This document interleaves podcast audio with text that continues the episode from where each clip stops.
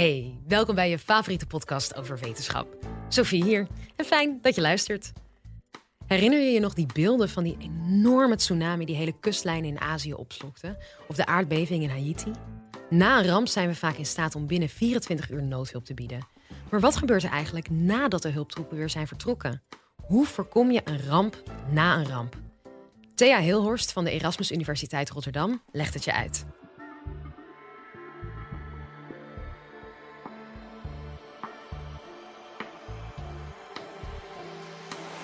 Live vanuit Club Air is dit de Universiteit van Nederland.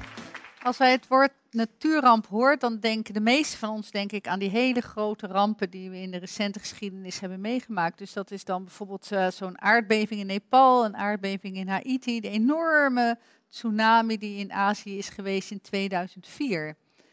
Nou, dat zijn rampen waarbij Nederland altijd in actie komt. Hè? Giro 555, we kennen het allemaal. Ik denk dat ieder van jullie daar wel eens geld aan heeft gegeven. Dus we zijn aan de ene kant enorm betrokken. Tegelijkertijd horen we de afgelopen jaren ook steeds vaker kritische geluiden. Juist vanuit de samenleving, in de media, over die hulp die er bij rampen gebeurt. Komt die hulp wel goed terecht? Wat gebeurt er eigenlijk na die ramp?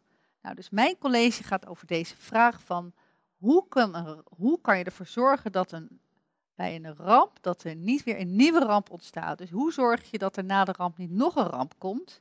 Nou ja, en dat kan dan heel cynisch, kan je denken van hoe zorg je ervoor dat de hulp zelf geen ramp wordt? Wat ook wel eens gezegd wordt, de ramp na de ramp. Maar ook in een iets breder perspectief kan hulp er eigenlijk toe bijdragen dat de kans op een nieuwe ramp afnemen. Dus dat nieuwe rampen voorkomen worden. Nou, ik kijk daarbij niet alleen naar die hele grote rampen. Er zijn die hele grote rampen springen in het oog, maar daarnaast zijn er natuurlijk ongelooflijk veel kleinere rampen. Ja, dat zijn dan kleinere rampen in de zin dat er maar 60 doden vallen bij een grote overstroming voor die 60 families die daarbij betrokken zijn. En iedereen daaromheen is natuurlijk een drama dat hun hele leven overhoop gooit en waar echt ook hulp bij nodig is. Maar wij horen er minder van en het is ook niet zo beeldbepalend. En er zijn ook nog heel veel onzichtbare rampen. Dus bijvoorbeeld in Sudan op dit moment. Ik denk niet dat een van ons realiseert dat daar een verschrikkelijke droogte plaatsvindt, die heel veel levens bedreigt, eigenlijk echt nu, vandaag de dag. Nou, waar ik naar kijk in mijn onderzoeksprogramma is hoe hulp in al dat soort verschillende scenario's werkt. Hoe hulp inspeelt op de samenleving, wat er gebeurt, hoe mensen erop reageren. En vanavond breng ik jullie de boodschap dat eigenlijk de respons meteen na de ramp heel erg goed is. Terwijl waar er heel veel misgaat, is juist in de aanloop en de afloop van rampen. Natuurrampen die nemen toe op dit moment, of de afgelopen jaren, afgelopen decennia. Daar zie je dat er eigenlijk best wel een grote stijgende lijn is in het aantal natuurrampen. Nou, dat heeft met heel veel factoren te maken. Je kunt denken aan uh, klimaatverandering, ander landgebruik, grotere ongelijkheid, armoede. Maar eigenlijk ook aan een hele simpele oorzaak dat er veel meer bevolking is op de wereld. En waar meer mensen zijn, kunnen er ook meer mensen getroffen worden door een ramp. Dus het aantal rampen neemt enorm toe. Maar, en nu komt het goede nieuws, het aantal mensenlevens wat ermee gemoeid is, het aantal doden bij een ramp, neemt echt heel erg veel af. In de 19e en begin 20e eeuw heb je overstroming en droogte gehad waarbij miljoenen mensen overleden van één gebeurtenis. Nou, op dit moment is dat echt niet meer zo. En neemt het aantal doden af in plaats van toe, zoals de rampen. Nou, en hoe komt dat? Voor een groot deel omdat hulp zo goed verbeterd is. En dat hulp heel snel op gang kan komen. In de eerste 24 uur zijn er al teams onderweg, weten we al wat er nodig is, satellietbeelden erbij gehaald, hulp onderweg, gecoördineerd, et cetera, et cetera, et cetera. Dus in Nederland zijn we eigenlijk gewend dat om veel kritiek te geven hè, op ramp. En dan hoor je bijvoorbeeld op de radio, hoor je weer of de tv van, of de krantenkoppen binnen 24 uur. De hulp komt langzaam op gang. Of dan zitten we in de tv van, nou het is een schande, het is al twee dagen geleden en nog steeds hebben ze niemand bereikt. Wat doen die hulporganisaties toch? Zijn die alleen maar met zichzelf bezig? Nou, dat vind ik echt ongelooflijk onterechte kritiek. Ik denk dan van, probeer het je nou eens voor te stellen. Een aardbeving in Haiti. De wegen zijn afgesloten, de elektriciteit doet het niet meer, je hebt geen telefoon. En dan nog weet je mensen te bereiken. Ik bedoel, de kop zou moeten zijn. Het is een wonder, er zijn al honderdduizend mensen bereikt. En dan komt de kritiek ook nog eens van mensen in een land die helemaal niet klagen als er drie blaadjes op het spoor liggen en de trein rijdt al niet meer. En dit zouden we dan allemaal heel erg vinden. Nou, dus Wat dat betreft ben ik het gewoon echt niet eens met die kritiek. Denk ik, nee, hulp is enorm verbeterd en hulp is heel goed in staat om levens te redden. Heel veel honderden, honderdduizenden, miljoenen mensen hebben hun leven te danken aan humanitaire hulp. Nou, waar ik het wel over hier wil hebben, waar dingen veel vaker misgaan, dat zijn drie andere aspecten, zoals ik al zei, voor en na de ramp. En ook een, de bijzondere situatie waar rampen en conflicten tegelijk samen, uh, samen voorkomen.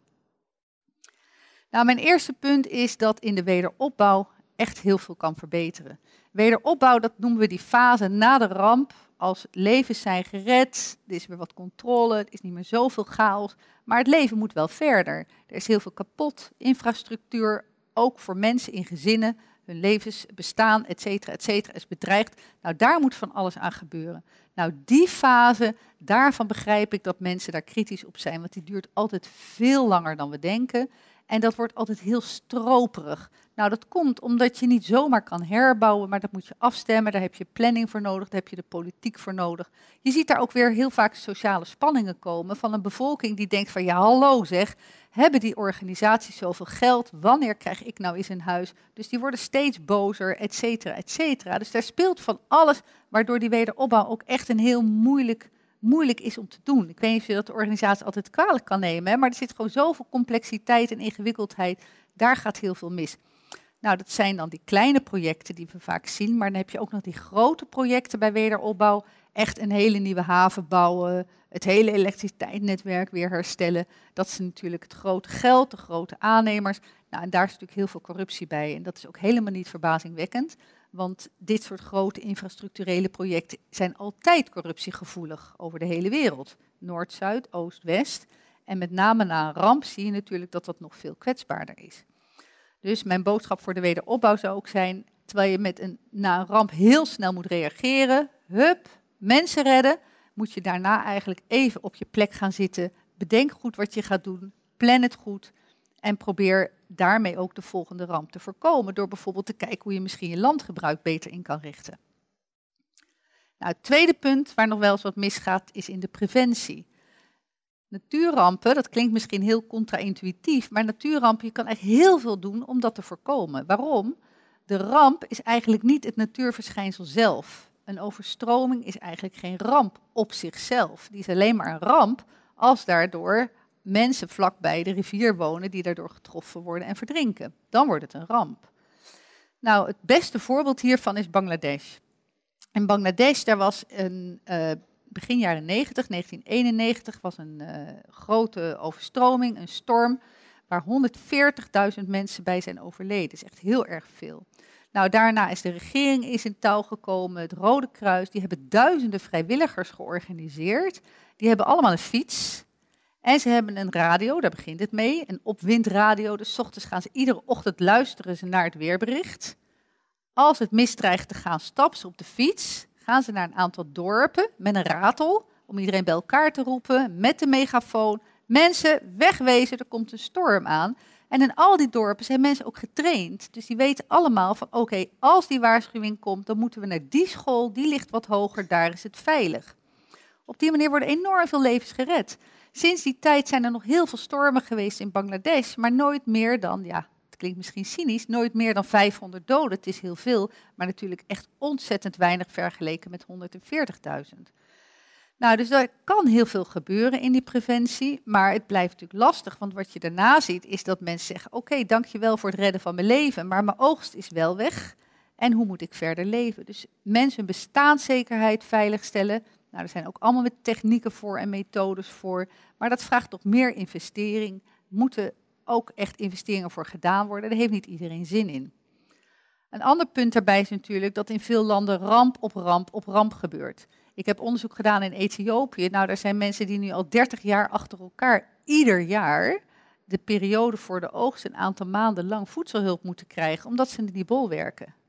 vanwege droogte, vanwege allerlei zaken. Nou, dat is natuurlijk eigenlijk niet te doen om daar tegen op te boksen en daar iedere keer weer overheen te komen. Nou, het punt met preventie is dat we eigenlijk heel veel van weten. We hebben de techniek in huis, we kunnen het best wel goed, maar het gebeurt gewoon niet goed genoeg. En dat is deels ook weer met politiek te maken. Want wat er bijvoorbeeld gebeurt, een heel mooi voorbeeld, dit is een heel tragisch voorbeeld, helemaal niet mooi voorbeeld. Dat was in Turkije, 1999 is daar die aardbeving in Izmir geweest. Nou, wat daar gebeurde was dat er waren ontzettend veel mensen die waren net eigenlijk van platteland naar de stad getrokken omdat ze daar werk konden vinden. Dat was echt een booming economy. En er waren dus heel snel hele hoge flatgebouwen uit de grond gestampt. Maar omdat daar geen bouwtoezicht was en bouwvergunningen te makkelijk en die aannemers, nou ja, die waren ook niet helemaal oké. Dus die gebouwen die waren, niet die waren geen fundamenten gemaakt. Die waren gewoon niet gefundeerd. Die stonden los op het zand. Dus op het moment dat zo'n aardbeving komt, dan gingen die gebouwen letterlijk aan de wandel. Begonnen gewoon te wandelen, die gebouwen, te schuiven over het zand. En dat ging heel even goed en daarna was het klap. Nou, daardoor ontstaat die ramp. De aardbeving zelf niet, maar het feit dat er zo slecht gebouwd was. Nou, dat zijn natuurlijk kwesties die opnieuw politiek zijn, complex zijn. Politiek geeft vaak weinig prioriteit aan preventie. Of soms juist weer veel te veel. Dan wordt er politiek misbruik gemaakt en dan wordt er gezegd van, we gaan hier een dam bouwen, eigenlijk om elektriciteit te winnen, grote, et cetera, et cetera. Maar er wordt gezegd, dat doen we om de bevolking te beschermen, wegwezen allemaal. Dus op die manier wordt er weer juist misbruik gemaakt. Nou, de derde situatie, dat zijn de rampen in conflicten tegelijk. Daar doe ik heel veel onderzoek naar.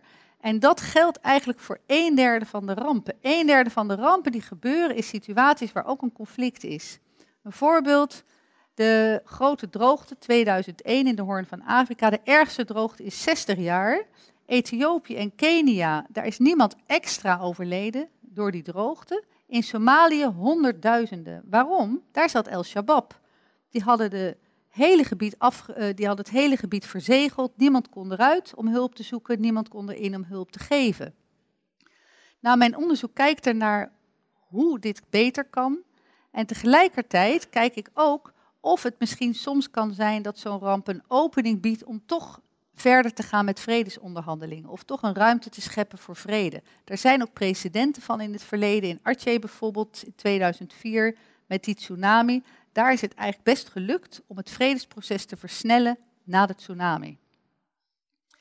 Nou, ik heb tot nu toe een vrij uh, ja, tweedimensionaal plaatje gegeven van hulp, maar er zit natuurlijk ook heel veel laag en verandering in.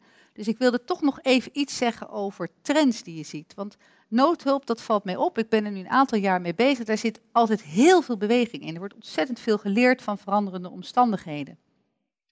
Nou, wat je nu ziet bij natuurrampen, is dat je sinds een jaar of tien een steeds grotere rol ziet van de nationale overheid. Daar is gewoon bewust voor gekozen. Vroeger was hulp echt een beetje van, tada, daar komen de hulptroepen, iedereen aan de kant, wij komen helpen. En de, hulp kwam eigenlijk meer billen vallen. Nu is het veel meer opgericht, wat kan een land zelf? Wat is er al voorbereid? Hoe kan internationale hulp ondersteunen? Datzelfde zien we eigenlijk met lokale bevolking. We hebben nog steeds het idee dat bij een ramp mensen in een kamp zijn. Ook met name bij een oorlog denken we altijd aan, aan, aan vluchtelingen in kampen. Terwijl de werkelijkheid is enorm snel aan het veranderen. Er zijn inmiddels steeds meer mensen die helemaal niet in een kamp gaan, maar zich daar juist buiten bevinden, omdat ze zichzelf prima willen redden. Dat vinden ze gewoon prettiger. Gewoon blijven werken, een kamer huren, voor jezelf zorgen. Hulp is nu ook door de nieuwe technologie veel beter in staat om daarop in te spelen. Want ze kunnen nu bijvoorbeeld gewoon door het gebruik van een visakaartje, hoeven mensen ook helemaal niet meer in de rij te staan om eten te krijgen. Maar ze krijgen een visakaartje en dan kan je gewoon iedere maand naar de supermarkt. En dan kan je voor een paar honderd euro kan je gewoon zelf voor jezelf zorgen. Nou, dit soort zaken, dat is echt een enorme verandering. Ik noem dat de beweging naar zelfredzaamheid. Dat zou eigenlijk een hele goede ontwikkeling kunnen zijn in hulp. Maar ik kijk er ook een heel klein beetje argwanend naar. Ik volg het nog wel heel precies. Want het kan op twee manieren uitpakken. Het kan zo werken dat hulp zegt van oké, we vinden het heel fijn dat jullie jezelf redden en we ondersteunen je daarbij. Maar het zou ook kunnen uitpakken dat we op een gegeven moment zeggen, ach, die mensen redden zichzelf wel. En dan vergeten we eigenlijk dat ze die hulp nog steeds keihard nodig hebben. Nou, mijn conclusie komt eraan. Hoe voorkom je nou die ramp met hulp of zonder hulp? Hoe doe je dat? Ik hoop dat ik over heb gebracht dat je veel meer kunt doen aan rampen dan we zouden denken. Je kunt rampen niet helemaal voorkomen, maar je kunt er eigenlijk heel veel aan doen. En zeker in het traject na de ramp zou je heel veel in kunnen plannen om te zorgen dat de volgende ramp niet gebeurt of met veel minder schade of met veel minder mensenlevens gaat gebeuren. Want het hele punt is hierbij dat het natuurverschijnsel zelf is natuurlijk niet die ramp. Het gaat niet om die storm, maar het gaat om het feit dat huizen zo gebouwd zijn, mensen arm zijn, dat, ze door die storm, dat die storm zoveel slachtoffers maakt. Nou, de rol van de hulp daarbij is natuurlijk belangrijk. Daar, daar, dat, dat, dat is zeker zo. En hulp kan ook altijd verbeteren. Tegelijkertijd denk ik dat wij met z'n allen veel te veel gefocust zijn op de hulp. Altijd zeggen van ja, die hulporganisaties die zouden toch zus en dit en dat. Terwijl in werkelijkheid gaat het natuurlijk uiteindelijk om politieke besluiten bij dit soort zaken.